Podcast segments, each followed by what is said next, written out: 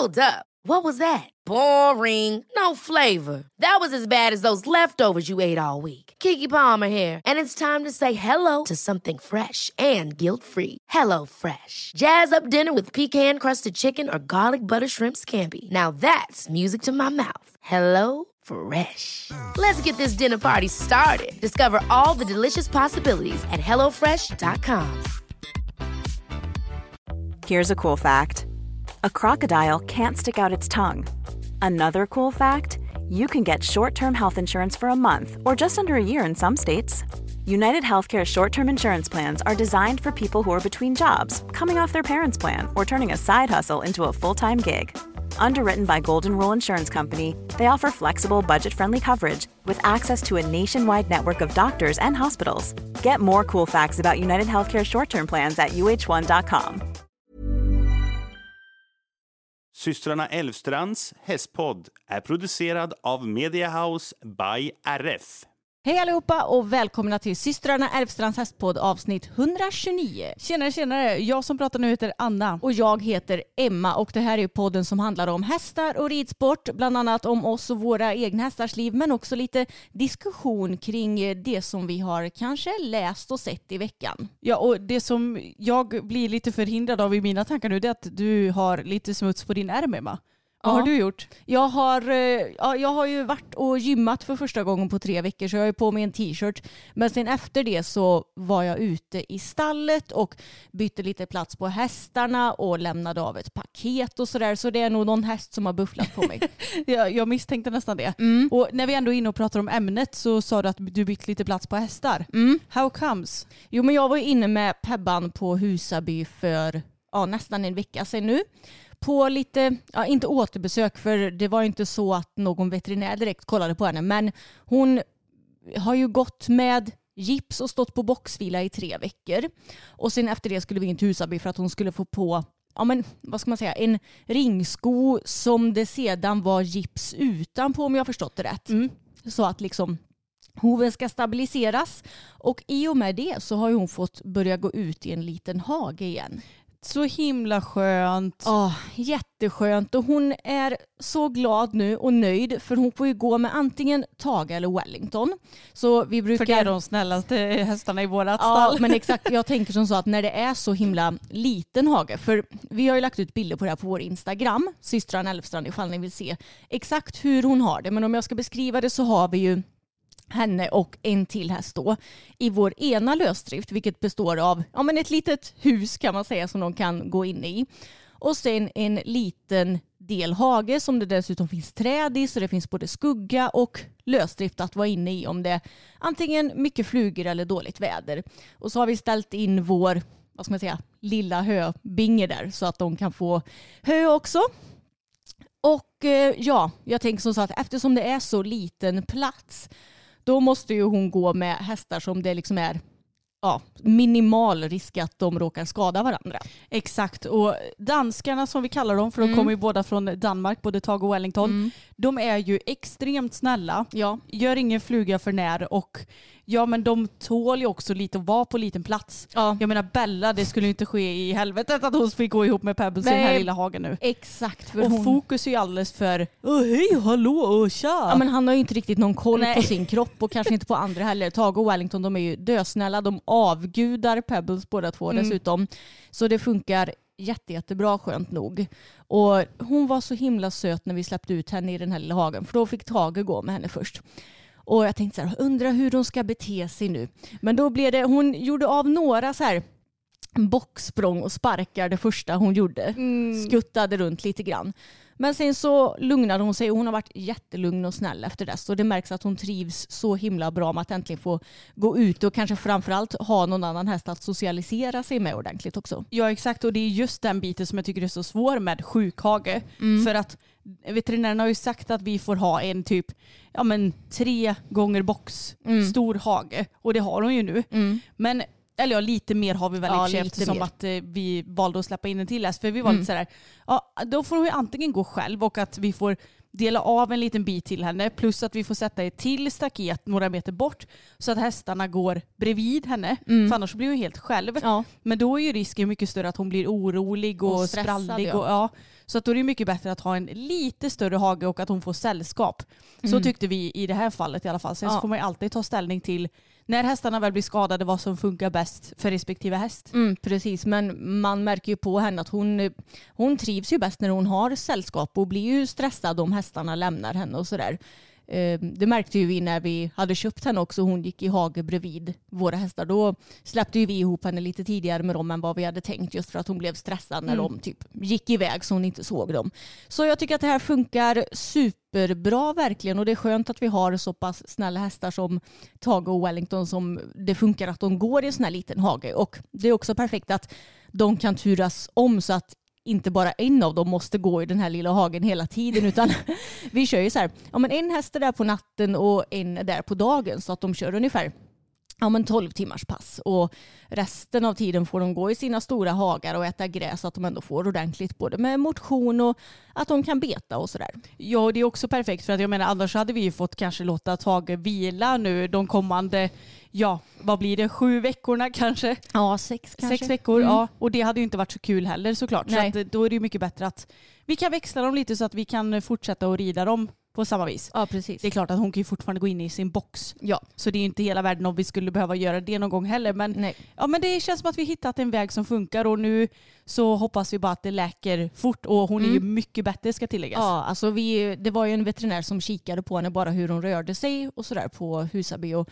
hon är ju alltså extremt mycket bättre än för tre veckor sedan när hon skadade sig. Så det asskönt. Det känns som att det läker bra och att hon ja, men, mår mycket bättre också såklart. Och jag kikade nyss på pappret ifrån Husaby som jag fick första gången jag var inne och enligt det så ska hon in igen om fem, sex veckor. Och eh, då ska jag också boka in återbesök med veterinär och att den här skon ska läggas om tror jag. Så jag tänkte att jag tar och mejlar Husaby sen och eh, bokar in en tid helt enkelt. Och ja, vem vet, har vi riktigt tur kanske man kan börja sätta igång henne lite smått redan då. Ja men om jag misstänker lite så tror jag säkert att vi får börja skritta i alla fall. Ja. Om inte annat för hand. Ja, Så eh, det känns ju väldigt skönt. Det känns som att även om vi inte riktigt vet hur länge till det kommer dröja så ser vi kanske lite ljuset i tunneln nu. mm, precis. Det var ju ändå en väldigt lindrig hovbensfraktur hon fick, skönt nog.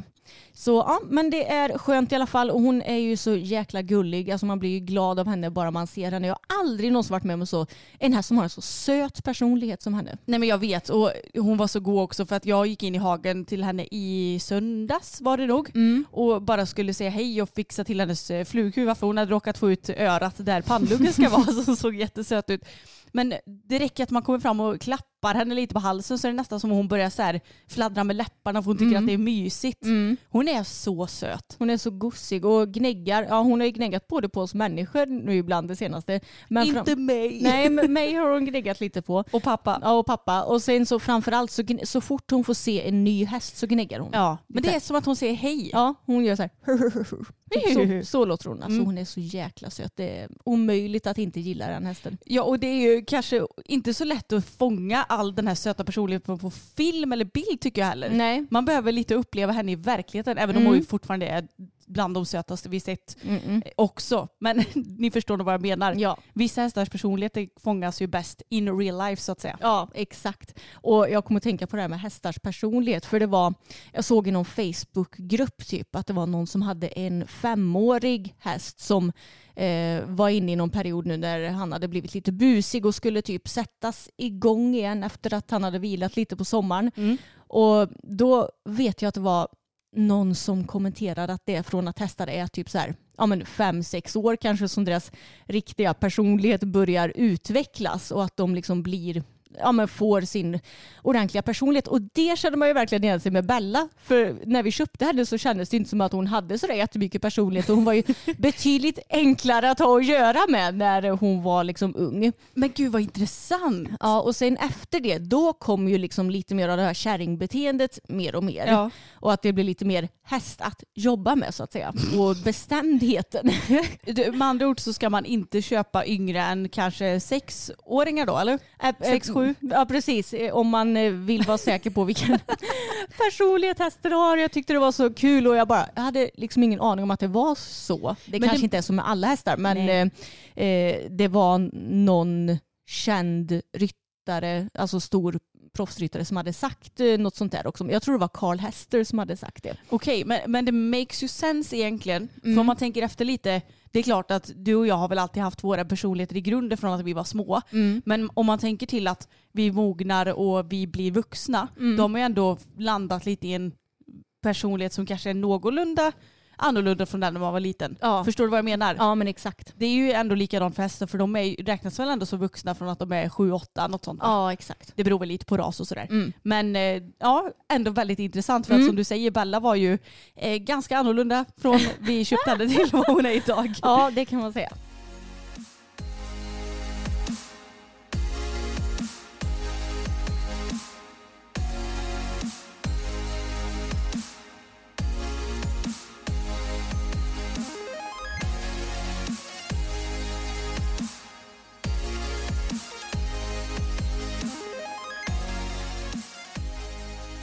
Jag har ju varit på lite semester. Ja du ska ju iväg på semester hela tiden tänkte jag säga. Ja, jag och Samuel vi har faktiskt varit lite duktiga och bokat in någonting för en gångs skull. För annars har det varit lite sådär att nej men vi får se vad vi gör och så kommer vi typ inte iväg på någonting ändå när vi väl har semester. Så att vi slog tag, tog tag i saken, slog slag i saken vad man nu säger och bokade in lite semester för några veckor sedan. Och den här veckan som varit nu så har vi varit i Varberg och eh, campat. Och då har vi varit på Jätteröns camping och jag måste bara varmt rekommendera den campingen. Det är väldigt mysigt och allt finns mm, tillgängligt och det är nära till havet. Nu blev det inte så mycket bad tyvärr för att ja, men, dels har det inte varit så himla bra väder men den dagen som det faktiskt var lite bra väder så skulle jag ge mig ut i vattnet och ta mig ett dopp. Men under de kanske fem metrarna som jag eh, satte mina ben i havet så eh, såg jag typ fem brännmaneter. Jaha. Och jag vet inte vad som är min största skräck längre för att spindlar är inte det längre. Men maneter kan nog hamna på någon sån där tredje plats i alla Ja fall. jag hatar maneter. Ja det är det värsta som finns. Och grejen är så här, öronmaneter, ja de är slemmiga och äckliga och man vill helst inte nudda dem. Men brännmaneterna gör ju ont. Har jag hört. Jag har inte blivit bränd själv så jag förstår inte varför jag är så rädd. Nej, inte jag heller. Men jag är också lite förvånad för det känns inte som att det brukar vara så mycket, så mycket brännmaneter kring typ Varberg och Falkenberg. Nej jag vet. Men det var det den här dagen och det är inte så konstigt för att vi har ju inte egentligen haft sådär riktig sommar i år känns det som. Nej, det har ju bara varit, det var ju kring midsommar och sen var det för ett par veckor sedan så vi hade över 30 grader riktig så här högsommarvärme. Mm. Men annars har ju vädret varit, eh, alltså det har inte varit dåligt men det har ju liksom varit lite så här, mm, ja, ljummet typ eller man ska säga. ja.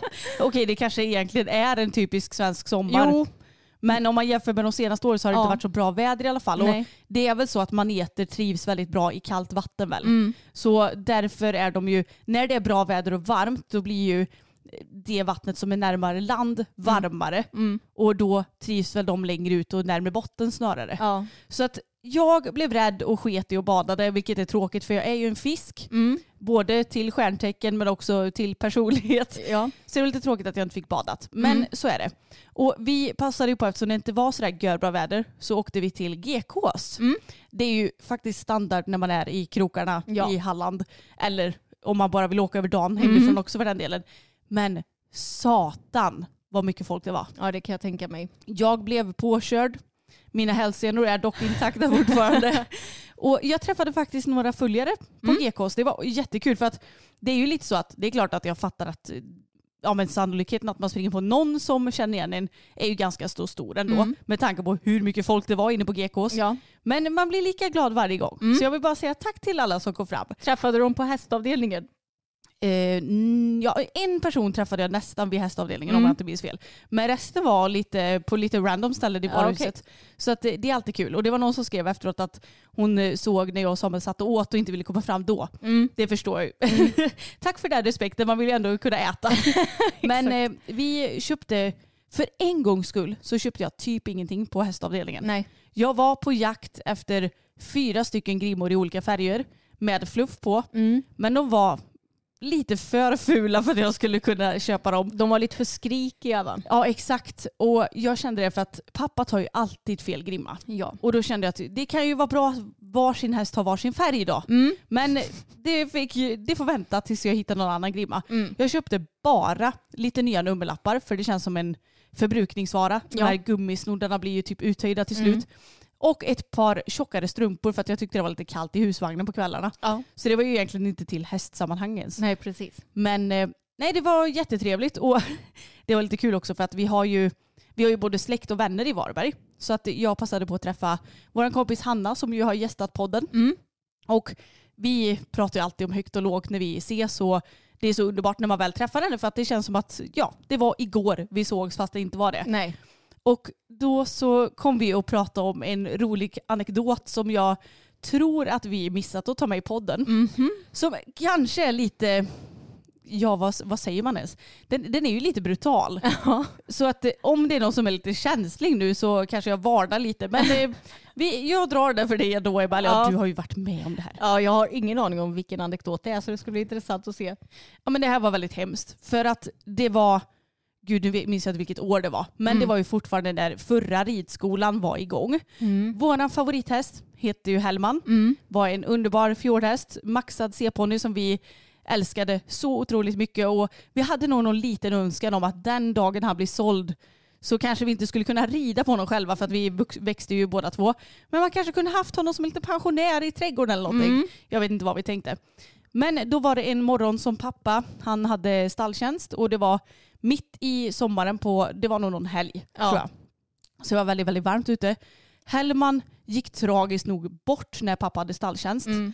Eh, Jag tror att veterinär tillkallades och nu minns jag inte ens vad det var. Om det var tarmvred eller... Nej, han fick någon Nej. infektion eller någonting. Alltså, eller så kanske, jag vet inte, det, hände, det gick ju väldigt Det gick fort i alla fall. jättesnabbt så jag, jag minns inte ens vad förloppet var ärligt Nej. talat. Men han gick tragiskt nog bort och han var ju inte jättegammal. Men eh, han måste ha varit, eh, var inte det här 07 Anna? Jo det kan nog Så stämma. han var nog 17 kanske? Ja, vilket ju inte är jättegammalt för en, en fjording Nej. tänker jag.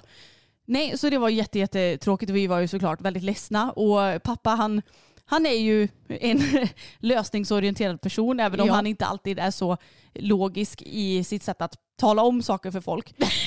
Eh, det har vi ju pratat om förut när Mm. Boppen fick kolik till exempel och han sa att det, det är ju bättre att vi tar ut honom i ridhuset ifall han dör så är det enklare att få ut honom därifrån. Mm. Ja, men det var ju som sagt sommar, helg och då kom ju inga sådana här eh, alltså slaktbilar eller sådana som tar hand om hästkroppar. Nej precis. Det var svinvarmt och Hellman hade väl dött typ på gårdsplanen eller någonting. Mm.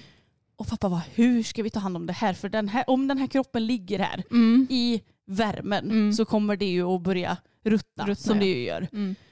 Så då så tänkte pappa till lite och tänkte att jag har ju ett jobb där vi har stora frysar. Mm. Så då tog han med Hellman till sitt jobb och la honom i en frysbox. Mm. Och det är ju inte en frysbox man har i källaren utan Nej. det är ju en, en Typ container. container, ja.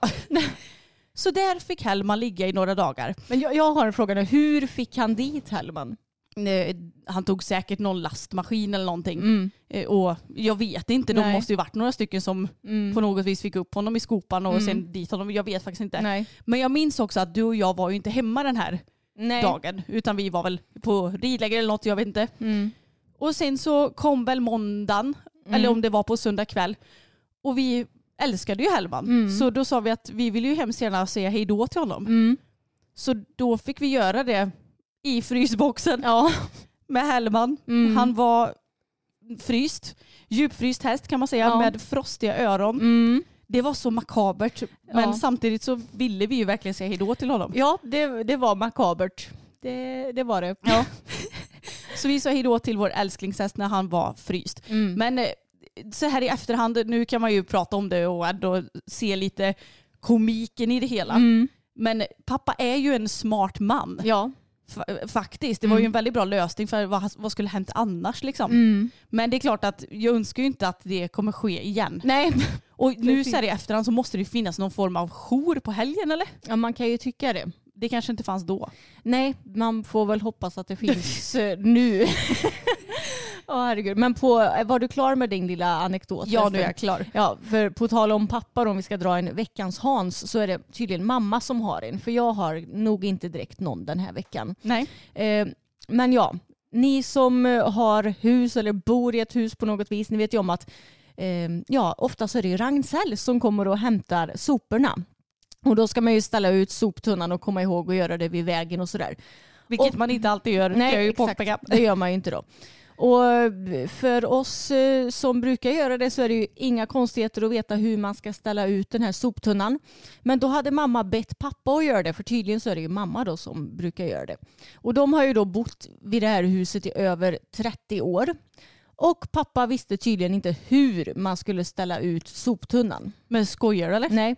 Det var ju alltid hans uppgift eh, back in the days. Ja, säkerligen. Han bara, hur, står den åt rätt håll nu eller hur ska, man, eh, hur ska hjulen vara och allt vad det nu var. Och mamma bara, det spelar ingen roll hur hjulen är men den ska ju vara liksom vinklad mot vägen så att locket är åt rätt håll. Ja. Ja, nej, han eh, visste ju tydligen inte det då. Okej. Så då har Hans 59 år lärt sig hur man ställer soptunnan när Ja. man ska köra ut den. Exakt.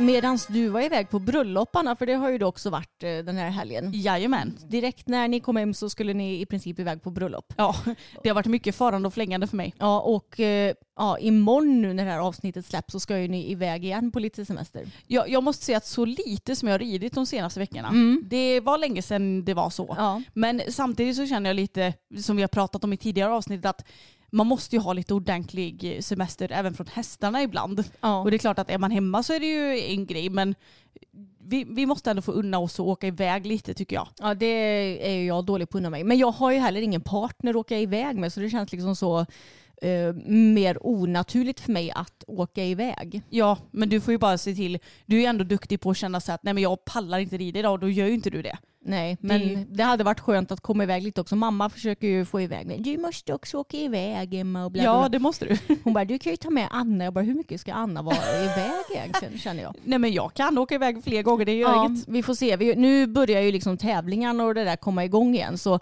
då blir det också genast svårare att åka iväg. Jo, men jag tänker också att vi har nog någon tävlingsfri helg här i augusti. Ja, Så vi, vi löser det. Vi får planera in något. vi får kika på det helt enkelt. Men medan du var iväg på bröllop så var jag och Bella iväg på vår första hopptävling sedan mars. Och det blev ju en liten spontananmälning till den tävlingen för nästa helg så ska jag rida en meter i Falköping med Bella. Jag är taggad. Ja, jag med. Och jag har ju hoppat med det hemma och hoppat liksom lite banor på en meter och det har känts väldigt eh, ja, enkelt och bra och sådär. Men sen så kom jag ju till insikt då förra veckan att Alltså jag har ju inte varit iväg och hoppat med henne på något annat ställe än ridskolan, ja men sen i mars då när hon tävlade senast. Så det kanske kan vara bra att åka iväg på någonting innan den här tävlingen för att kanske, ja men främst jag ska få en liten så här, vad ska man säga? Ja, men en liten check. en liten check på att ja, men hon är lugn och snäll och det är liksom inga konstigheter. Hon är inte spänd och jag är inte spänd och sådär. Så då efteranmälde jag mig till Vänersborgs tävling, eh, 90 centimeter. Och jag kan säga att det var inte bara jag som hade gjort utan det var jag tror det var 16 efteranmälda i den klassen. Hjälp! ja, men det var så bra för de hade ingen efteranmälningsavgift heller. Nej. Vilket ju är skitbra att ha och jag tänker i synnerhet så här på sommaren för det är nog många som kanske lite spontant anmäler sig till tävlingar om de säger ja men den här helgen så ska jag ändå inte hitta på något och det ska inte bli 35 grader så då kan jag lika gärna åka och tävla liksom. Ja, och det är ju tacksamt med klubbar som faktiskt anordnar tävlingar på sommaren för att annars så är det ju lite, lite lågt om det där just nu. Ja precis men det var trevliga tävlingar som vanligt hos Vänersborg och Ja, då skulle jag och Bella som sagt tävla och hon kändes fin på framridningen. Hon kändes eh, bra på framridningen också. Jag har ju ett litet... Både framridning och framhoppningen. Ja, Ja. sa jag framridning två gånger? Ja. Ja. Nej men det, det kändes liksom bra. Men jag har ett litet problem just nu med henne och det är att hon är inte helt framme för skänken. Och jag tror säkerligen delvis att det beror på att hon har ju lite sommarmage nu.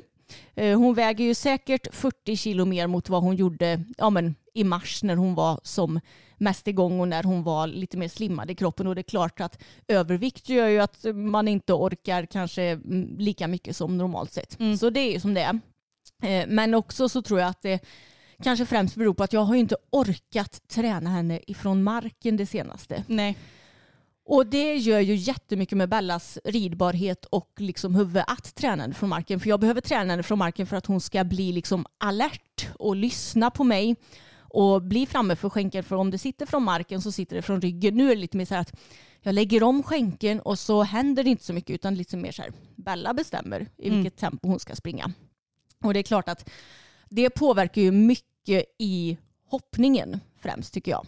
Men i alla fall, det kändes ändå eh, bra på framhoppningen. Hon hoppade bra. Någon gång så, ja men eftersom hon inte var helt framme för skänken så gick hon av väldigt stort på oxen en gång då eftersom hon inte riktigt tog för sig. Så då blev det att eh, hon rev bakbommen för att hon inte riktigt räckte över. Så det var ett litet fail då från min sida men Ja. annars så hoppade hon jättefint. Fast du, jag tycker inte att du ska komma och säga att det var ett fail från din sida. Om hon inte lyssnade på din framåtdrivande Mm. Ja, hjälp, jo. då får ju faktiskt hon skylla lite sig själv. Jo, det är sant. Och något som man kanske glömmer och framförallt för dig och mig som i grund och botten är lite hopprädda. Mm. Du är ju inte det längre men du har ju varit. Och för mig som fortfarande delvis är det lite grann så har vi väldigt mycket kontrollbehov och Mm. Ja, vill styra och ställa och komma Mm. perfekt. Så det är bra när sådana här grejer händer. Mm. Man får inte glömma att sådana här grejer är positiva för att det kommer ju hjälpa er i framtiden att hon är sådär att aha okej jag kanske skulle lyssna lite på Mattes, Mattes hjälp där då hade vi inte. Ja. kommit så här knasigt och det är ju också bra för dig för att det skapar ju mod att komma i lite obekväma Ja, liksom eller- ja, det här var det värsta som hände, att hon Ja. rev bakbommen. Liksom. Exakt. Det behöver inte vara värre än så. Eh, men i alla fall, det kändes bra på framhoppningen. Jag kände ju att jag kanske red iväg henne lite ett par gånger, att hon blev lite lång. Men jag kom ändå in på banan med bra självförtroende. Och eh, ja, men väl inne på banan, det kändes, eh, alltså jag tyckte att vi fick jättefint flyt hela banan och hon kändes väldigt avspänd och fin. Hoppade luftigt och bra på alla hinder förutom ett räcke där hon var i och pillade lite och jag bara nej nu får hon inte riva där tänkte jag. Mm. Det gjorde hon ju då inte. Och sen resten av banan flöt på väldigt bra. Det var egentligen bara en linje mellan tvåan och trean som jag blev, jag hittade inte riktigt något läge till tvåan så jag blev lite plockig och då eh, tappade vi lite galoppen till trean som var en båge. Men sen efter det kom vi igång jättebra. Fick de, eh, alltså jag red banan så som jag hade planerat, fick de sprången som jag hade tänkt. Omhoppningen, det fanns en del alternativa så att man kunde rida ganska så snäva svängar mot hinder och efter hinder. Och nu har jag inte ridit omhoppning med henne sedan november. Så jag var lite så här, jag, får, jag, jag hade planerat hur jag skulle rida men att jag får se lite så här hur det går. Och jag är väldigt nöjd för jag fick verkligen till de svängarna som jag hade tänkt, vilket var rejält snäva svängar. Men eh, eftersom hon inte var helt framme för skänken och så blev det att vi tappade ju flytet en hel del. Eh, när man rider så snäva svängar vill man ju att hästen tar för sig framåt så man kan komma lite i framåtlägen.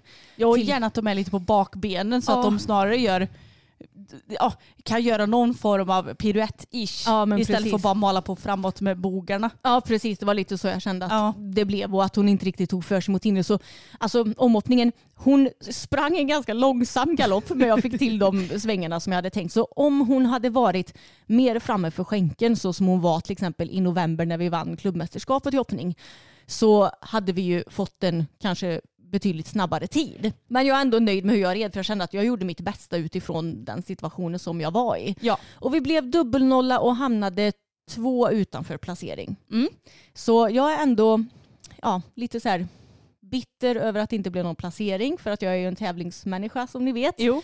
Men jag är nöjd med hur jag red och jag är ändå nöjd med hur Bella kändes utifrån den form vi är i nu. Jag menar är hon inte framme för skänken hemma då kan jag inte förvänta mig att hon mirakulöst ska vara framme för skänken på tävling heller. Liksom. Nej exakt och jag menar eh, så länge man gör sitt bästa utifrån de förutsättningar man har, Mm. vilket både hon och du gjorde är jag väldigt säker på, då får man ju vara nöjd med det. Ja. Men jag såg ju, jag hann ju inte följa med er på tävlingen eftersom Nej. jag skulle på bröllop. Och då satt jag på Ekip och Ekip kan få mig att få ännu fler gråa hårstrån än vad jag redan har. Mm. För att eh, jag tror att det var ryttaren innan dig blev nog utesluten eller något sånt där.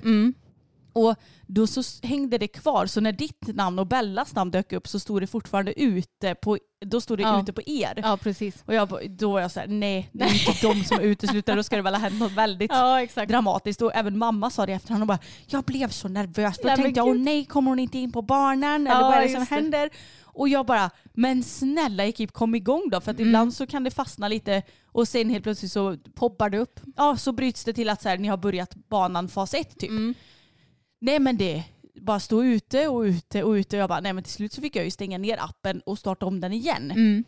Och då helt plötsligt så stod det tjing sa det och så var ni inne på fas två. Mm. Så då hade ni redan kommit till omhoppningen då. Ja. För att appen bara hängde sig typ. Mm. Men då såg jag ju på tiden att ja, de var ju inte görsnabba men Nej. de har ju ändå gjort en felfri runda så jag var ju ändå glad för din skull. Liksom. Mm. Men det är verkligen sådär Ekips grej känns det som. Ja. Att hänga sig lite. Mm. Jag älskar ändå det för att då vet, vet jag med mig att ja, men du ska tävla eller någon kompis ska tävla så kan man Mm. ändå hålla ett litet öga på hur det går lite in the moment också. Mm. Men ja, när det krånglar så blir man frustrerad. Ja, man blir ju verkligen det. Men på tal om det här med tävling då. Och jag har ju en sparklisa i Bella, så framhoppningar och framridningar är ju inte alltid görroliga. Jag har röd rosett i svansen på henne för att tala om att den här hästen sparkar. Men problemet nu med framhoppningar är att det har ju blivit så himla vanligt att man ska skritta på spåret. Mm. Och om du skrittar på spåret med en häst som sparkar, du har ju ingenstans att, alltså du har ingen möjlighet att flytta på dig Nej. om du märker att någon häst kommer nära till exempel. Och jag märkte nu på framhoppningen att även om man har röd rosett i svansen, folk respekterar inte det. Och jag menar, Vänersborg har ju ett väldigt stort ridhus att hoppa fram i. Det är liksom både brett och långt. Så jag tycker ju att man borde kunna hålla ett ordentligt avstånd för sig. Eh, ja, men om jag skrittade på spåret. Även om jag var i samma höjd som hindren är så var det liksom flera meter som man hade kunnat galoppera på insidan av mig och Bella. Men folk galopperar ändå bara så här ja, men kanske ett par meter bredvid mig. Så hon var ju obekväm så fort någon häst galopperade förbi. Det var flertalet gånger som hon liksom vände röven till hästarna och liksom försökte sparka lite grann. Eh, och jag fattar liksom inte vad problemet är. Kan inte bara folk hålla avstånd? Och så fattar jag inte heller varför det har blivit så vanligt med skritt på spåret. För jag tycker ju att det är skitdåligt, rent ut sagt. Ja och jag tycker det är mycket mer logiskt att ha skritt innanför spåret och Mm. galopp på spåret. Mm. För att jag menar, det, jag tänker mig så här att det är bekvämare för en häst att skritta förbi ett hinder. Eller säg, säg att jag ska hoppa fram på ett räcke till exempel. Mm. Och om det då kommer någon och galopperar förbi i samma veva som jag hoppar, Mm. då blir det ju väldigt mycket intryck för hästen. Mm. Än om det är en som skrittar lite lugnt förbi hindret Mm. medan jag hoppar. Precis. Och att hästarna galopperar på spåret, då får man ju mycket mer space. Mm. Och som du säger, har man en sparkig häst så är det ju enklare att bara svänga in typ. Ja, precis. Eller kunna komma undan i alla fall. Ja. Och jag tycker det är också så konstigt att man har ju ändå ganska mycket plats på det som du säger. Mm. Varför inte bara då skritta förbi den hästen som har röd rosett i svansen och sen fatta galopp? ja. Det är inte så svårt egentligen. Nej, precis. Så jag fick ju liksom bara ja, men försöka hålla Bella lugn och liksom säga ja det är okej. Det är ju inte hennes fel att hon sparkar. Det är ju de som rider för nära henne och det är inte mitt problem om hon skulle träffa någon heller. Då får ju de skylla sig själva att de har ridit för nära mig. Ja, Men det är inte så kul heller att Bella ska behöva vara obekväm på framhoppningar. Så det blir ju ett problem för mig också för jag kan ju inte göra någonting åt situationen mer än att ja, men försöka hålla mig undan galopperande hästar så bra som möjligt. Men som sagt, jag måste ju hålla mig på spåret så det blir svårt. ja, jag tycker också att det är ett ganska dumt system faktiskt. Mm. Men, och det är också väldigt svårt för att jag har ju tävlat Bella några gånger också. Mm. Och det blir ju att fokus kanske inte riktigt hamnar på att få till så bra språng som möjligt. Mm. Utan det största fokuset går nästan åt till att hålla koll på alla andra. Ja. Och det ska man ju ha oavsett vilken häst man sitter på. Mm. Men det blir ju extra mycket när man har en häst som man vet kan Ja. sparka. Även om det är som sagt, det är ju inte hennes fel. Och hon Mm. kan ju inte då för att hon tycker att det är jobbigt. Mm. Men jag, ja, men jag, jag kan väl komma med några tips. Nu kommer jag inte med tips till dig för du vet ju redan hur du ska hantera det. Mm. Men har man en häst som är lite sparkig Mm. då kan man med fördel försöka att göra lite förvänd sluta. Alltså att man försöker peta ut rumpan mot väggen Mm. när det kommer hästar nära in. För att jag tänker att då ska det ju ändå ganska mycket till för att hon ska vinkla om sin rumpa och sen Mm. sparka mot hästen. Och man kan också försöka att göra lite tvärtom, att man gör lite öppna nästan. Mm. Så att man får bogen in mot de Sen så behöver man inte göra det för mycket för då tar man ju plats istället från Mm. den som kommer och passerar. Men att man ändå försöker då ja, men få hästen koncentrerad på en själv. Mm. Och det krävs ju ganska mycket av en som ryttare när man har en häst som antingen är mötesskygg eller tycker det är obekvämt med andra hästar bakifrån. Mm. Men eh, det är ju så det är. Alla hästar är ju inte likadana och jag menar en häst eh, som kommer att galoppera förbi Tage, den hade ju kunnat springa precis bredvid, den Ja, hade ja. inte brytt sig. Nej, exakt. Så de är ju så extremt olika hästarna. Ja, det var mycket lättare att hoppa fram med boppen, det får jag säga. Ja, ängen. Ja, lilla ängen. Men annars är ju Bella skitsnäll att ha med på tävling. Står Ja. helt still när man gör i ordning henne och är så snäll att gå med. Boppen var ju lite brötigare när man skulle typ sadla honom och sådär. Ja, han vill ju inte gärna stå still så mycket. Nej, exakt. Men sen skulle jag inte kalla honom brötig. Nej, för att brötiga hästar kallar jag de som typ går på en. ja. Han var mer såhär, man bara, men snälla stå still då. Mm. Men fick Bella beröm från pappa då? ja, såklart. Ja. Hon är ju så bra den här Ja, hästen brukar han säga. Och pappa, på tal om honom också, när jag kom hem i fredags var det va? Mm. Så frågade du, ska vi rida ut en sväng ikväll? Mm. Jag bara, ja men det kan vi göra. Så då red vi ut på både Bella, Tage och Fokus för pappa var med också. Mm. Och det spelar ju ingen roll nu för tiden vilken häst pappa än sitter på så får jag så mycket beröm. Mm. Och senast i raden så redan Tage. Mm. Och så galopperade vi på en del. Mm. För att ja men dels så var det ändå en hel del flugor så Mm. att då får man försöka hålla lite tempo. Och också så var hästarna ganska pigga och glada så att Mm. då låter vi dem få springa. Och då när vi saktade av det sista när vi hade galopperat en stund så säger han det. Alltså Tage han är ju helt fantastisk. Ja. Han hade nog varit väldigt snabb om han hade sprungit på banan sa han för att Tage har ju ändå, ja vad blir det, hans morfar är fullblod. Mm. Då blir det väl typ ja, men han är typ en tredjedel Ja. fullblod nästan. Ja, något sånt. Så att han ju ganska mycket fullblod i sig. Mm. Det märks ibland kan jag säga. Mm. För då triggas fullblodshjärnan igång och att han ska vara först. Men han är ju så himla söt och det är så gulligt att pappa så genuint berömmer alla hästar han Ja. sitter på i princip.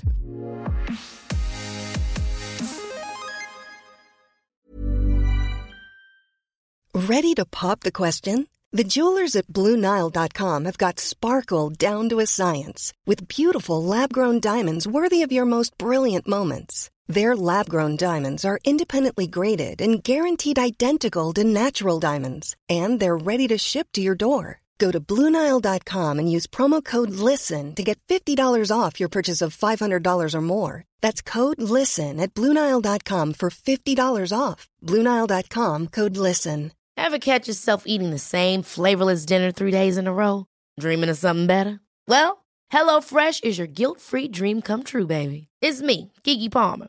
Let's wake up those taste buds with hot, juicy pecan-crusted chicken or garlic butter shrimp scampi. Mm. Hello Fresh.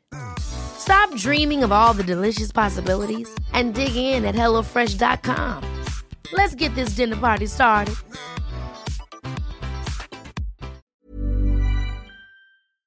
Som vanligt i våra avsnitt så blir det ju en del tävlingssnack men det är ju också för att vi är aktiva tävlingsryttare.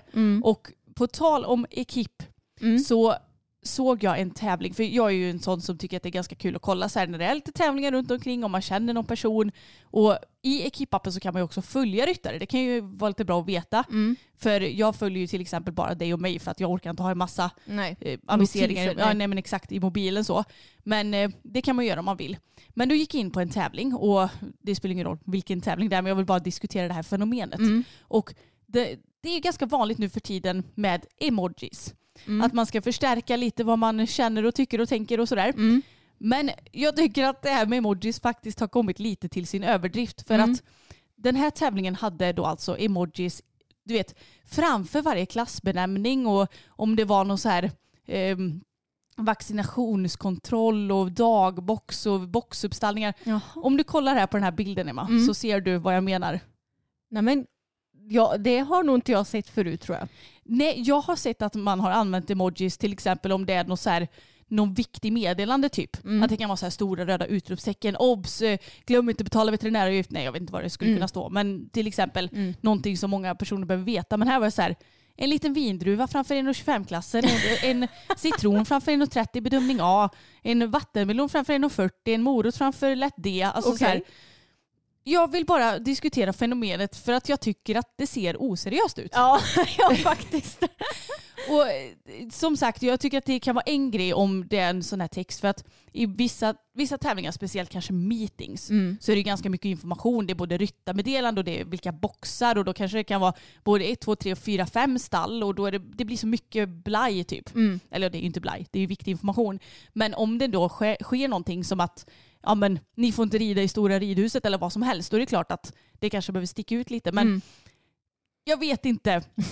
Det kanske är bara jag som har den här åsikten att jag tycker att det ser lite ja, men jag vet inte, oseriöst ut. Ja men vi kanske är lite konservativa eller så är det fler än oss som håller med om det här. Ja, det, det, vi kanske är. Men nej, börjar man bli gammal då när man tänker att så här, förändringar är dåligt? Och... Ja, mm, fast det tycker ju alla människor. Jo, jag vet. Men ändå att man inte kan hänga med i de moderna svängarna. och jag kan ju faktiskt lägga ut en, eh, ja men bara den här bilden som Mm, jag har gör tagit en printscreen på. Jag kan lägga den i våran story. Ja gör det. Och lyssnar ni på det här i efterhand så kan ni bara gå in på podden 2022 så hittar ni det, eh, den bilden. Men eh, så ni ser ett litet exempel och då kan vi ju göra en liten omröstning också. Om ni tycker att det är liksom bra eller okej eller om ni tycker det är oseriöst och att ni hellre hade haft det på det gamla goda viset som vi tycker. Okej Anna, vi måste ju dra en liten uppdatering kring förra veckans ämne om Martin Fuchs där vi pratade om att eh, ja, men det har ju kommit eh, fram en film nu som visar att han ja, men spöar upp sin häst riktigt ordentligt på en tävling i april i år och att han har ju fått mycket kritik kring det här. Och nu har det kommit lite mer uppdatering kring det här ämnet som jag tänkte att vi skulle ta upp.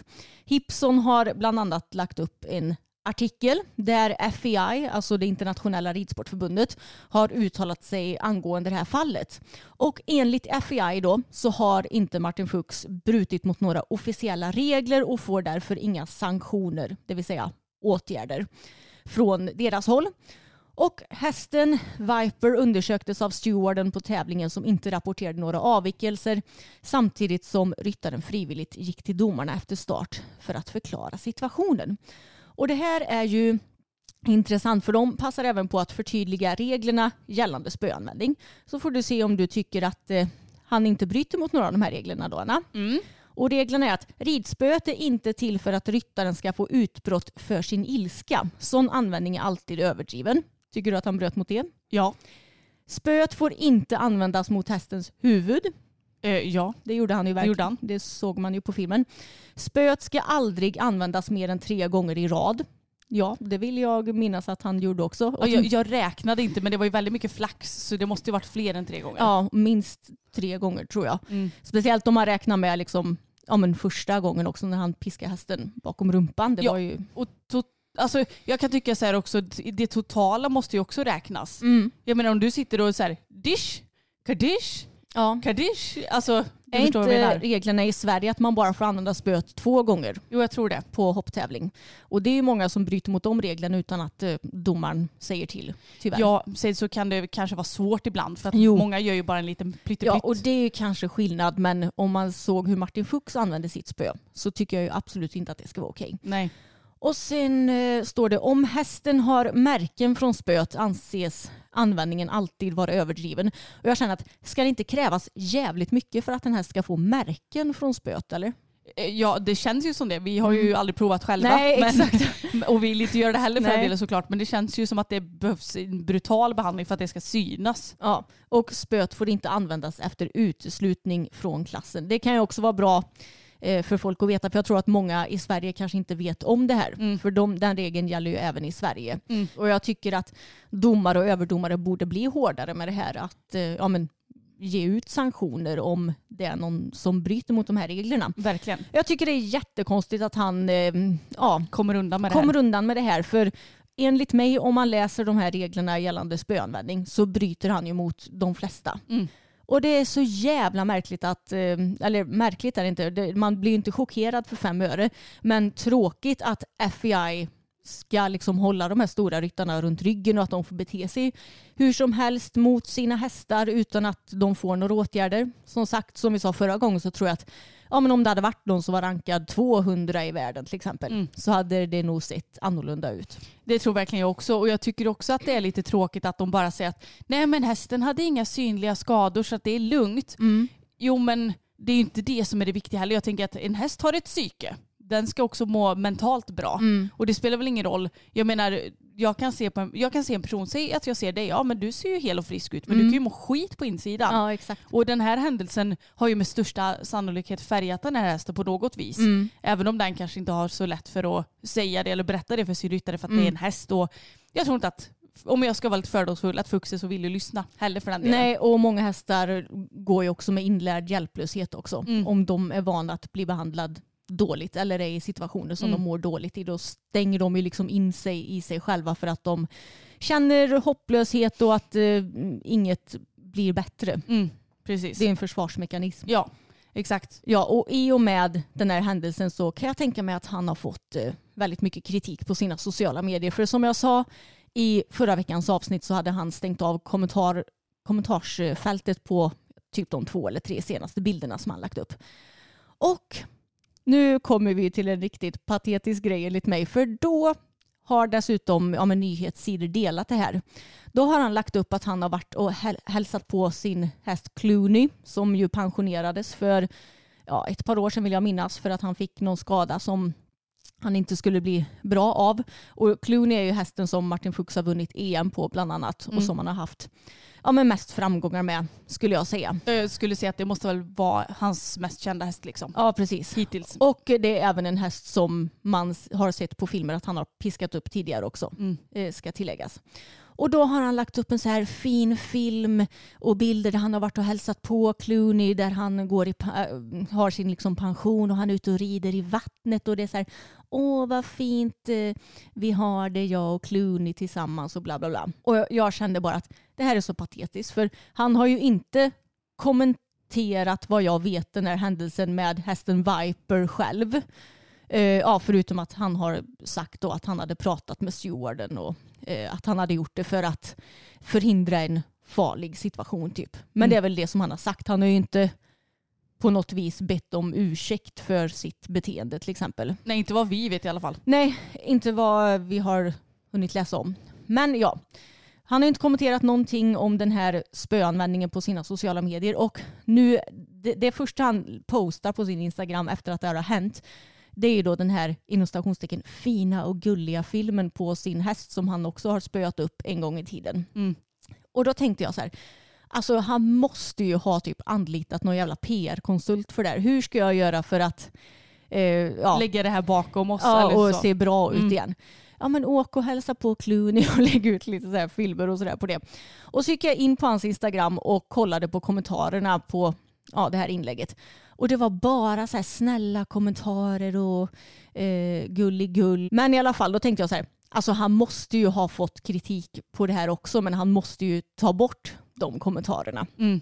Så då tänkte jag, nu ska jag banne mig prova att skicka iväg en kommentar som inte är gulligull och se vad som händer.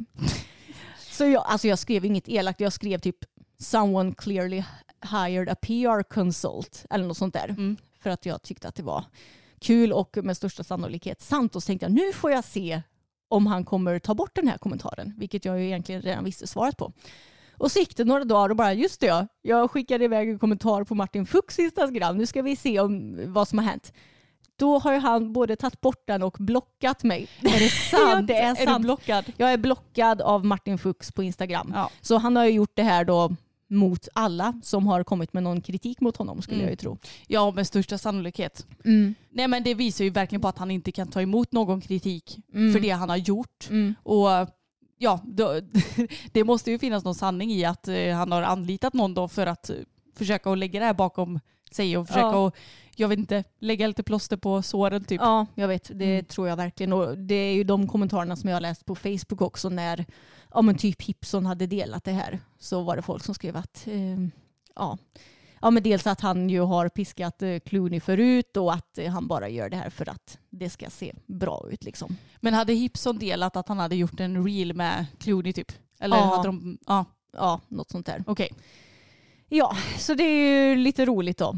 De här eh, ryttarna de kan liksom inte stå för mm, sitt beteende och vad de har gjort. Nej och uppenbarligen så tycker de att det är väldigt fel eftersom att de döljer, eller försöker att dölja allt i sin värld för att ja, men komma undan med det. Eller så. Ja, nu undrar jag om ifall du kan komma in på hans konto Anna. För jag kunde inte komma in från varken mitt konto eller från systrarna Elfstrand. För om man blockar någon så tror jag att man blockar även ja, typ alla andra konton som de har skapat eller kommer skapa. Så det är frågan ifall du kommer in på hans konto eftersom du också eh, hanterar systrarna Elfstrand. Vad heter han ens på Instagram? Martin Fuchs understreck official. Nej, det fanns inte. Nej, då är du också blockad. Så kan det gå. Ja, precis. Men det gör mig ingenting för jag har inga intentioner att följa den människan heller. Utan det var mer ett litet experiment för att se Ja. vad som skulle ske. ja, men det var ju ändå skönt eh, som eh, syster till dig att du inte skrev någonting eh, you fucking eh, horse abuser eller Nej. något annat helt Han, han har säkert fått sådana kommentarer. Säkert. Men jag, jag kan tycka så här, vi behöver ju ändå bete oss respektfullt på internet. Sen Mm. så tycker jag inte att han är värd särskilt mycket respekt. Nej, han får ju bete sig med respekt mot sina hästar så kan han ju få respekt Exakt. av andra människor. Men jag tänker att jag hade i alla fall inte mått bra, även om jag tycker att han har gjort väldigt, väldigt, väldigt fel, så hade inte jag mått bra i att så här, hålla på och skriva en massa skit Nej. på grund av det. Utan jag tänker, i respekt mot sig själv så behöver man bete sig mot alla. Mm. Eller ja, i alla fall försöka. ja, jag måste säga att det märks ju lite att eh, det har varit lite semestertider och sånt nu för att min hjärna har verkligen checkat ut. Mm. Jag, när, jag, när vi skulle iväg till Varberg så tänkte jag att jag skulle ta med mig badkläder ifall det blev så här sol och badväder. Mm. Nej men det glömde jag så då fick vi åka in till H&M i Varberg och köpa det så att jag var Mm. kittad för en liten stranddag. Och idag så har jag glömt datorn hemma. Ja, just det. Så nu måste jag nog åka hem och hämta den för att det är den som vi har poddredigeringsprogrammet på. Mm. Så att eh, ja, det märks att hjärnan inte riktigt är eh, som den ska tänkte jag Nej, säga. alltså jag har varit så trött de senaste veckorna och jag Mm. tror att det är för att jag inte har mina normala rutiner. Så från och med nu den här veckan så ska jag liksom försöka komma upp på morgonen. Inte kanske så tidigt som vi brukar då för jag har ändå lite semester Ja. fortfarande. Men eh, komma upp och eh, träna igen. Vi brukar normalt sett träna på gym ja, typ fem dagar i veckan. Mm. Eh, så nu idag har jag gjort mitt första träningspass på tre veckor. Kändes det bra? Eh, ja, men problemet är att vi har, jag har ju köpt en ny telefon. Och den är ju inte ihopkopplad med mina hörlurar. Nej, och du, du må vara bra på mycket men det Mm. tekniska ain't that. Nej, det är inte det. Så jag har ju, lyckades ju inte koppla ihop de här lurarna med min telefon. Men det här är så kul för det här problemet har du alltid. Jag vet, jag har alltid samma problem. För nu har du ju ändå fått byta några gånger för att du var tvungen att byta till din gamla reservtelefon och nu Mm. på nytt och ändå så är det samma bekymmer varje gång. Men varför funkar det inte? Nej, jag försökte googla hur man skulle göra men då står det bara hur man ska göra med en ny telefon. Så stod det se till att den inte är ihopkopplad med något annat. Ja men berätta hur jag ska göra om den är ihopkopplad med något annat då. Dumma Adidas. Men ja, så jag fick ju träna utan musik idag och det är ju ett rent helvete tycker jag. Körde du överkropp eller ben? Nej jag körde ben. Ja du gjorde det. Ja, men eh, jag körde ju, alltså jag märker ju också, nu när jag inte har tränat på tre veckor plus att jag har varit sjuk, herregud så svag jag känner mig. Mm, Jag vet. Mm. Det är ju ofta så, men jag tänker också att man, som sagt, man måste ju vila ibland. Mm. Vi tränar ju ändå ganska många pass om året om man tänker så. Och någon gång så behöver man bara få vara också. Ja, precis. Jag eh, tänker att jag börjar lite mjukstart med promenader den här veckan. Mm. Och så hoppas jag att jag kan ta mig tillbaka till gymmet nästa vecka. Men jag har ju lite bekymmer med olika kroppsdelar också så jag Ja. är lite opepp. Mm. Min axel har ju ballat ur lite och jag borde verkligen ta tag i och ringa läkare men så är jag väldigt opepp på det för att jag mår inte så bra i övrigt. Mm. Eftersom ja, men, min hjärna är liksom inte riktigt med mig. Nej. Och då blir det svårt att ta tag i och så vet man inte riktigt hur lång tid det kommer ta med utredning. Och ni fattar, det är Mm. inget akut bekymmer. Hade det varit så här, oj, axeln hoppar ur led, vi behöver åka in till akuten, då hade det Mm. inte varit några bekymmer. Men Mm. den är bara lite konstig, jag vet inte vad det är med den. Nej, precis. Och jag märker att mina höfter, de är inte heller så bra nu när jag dels inte har varken tränat eller gjort yoga på flera veckor Nej. och ätit jättemycket godis.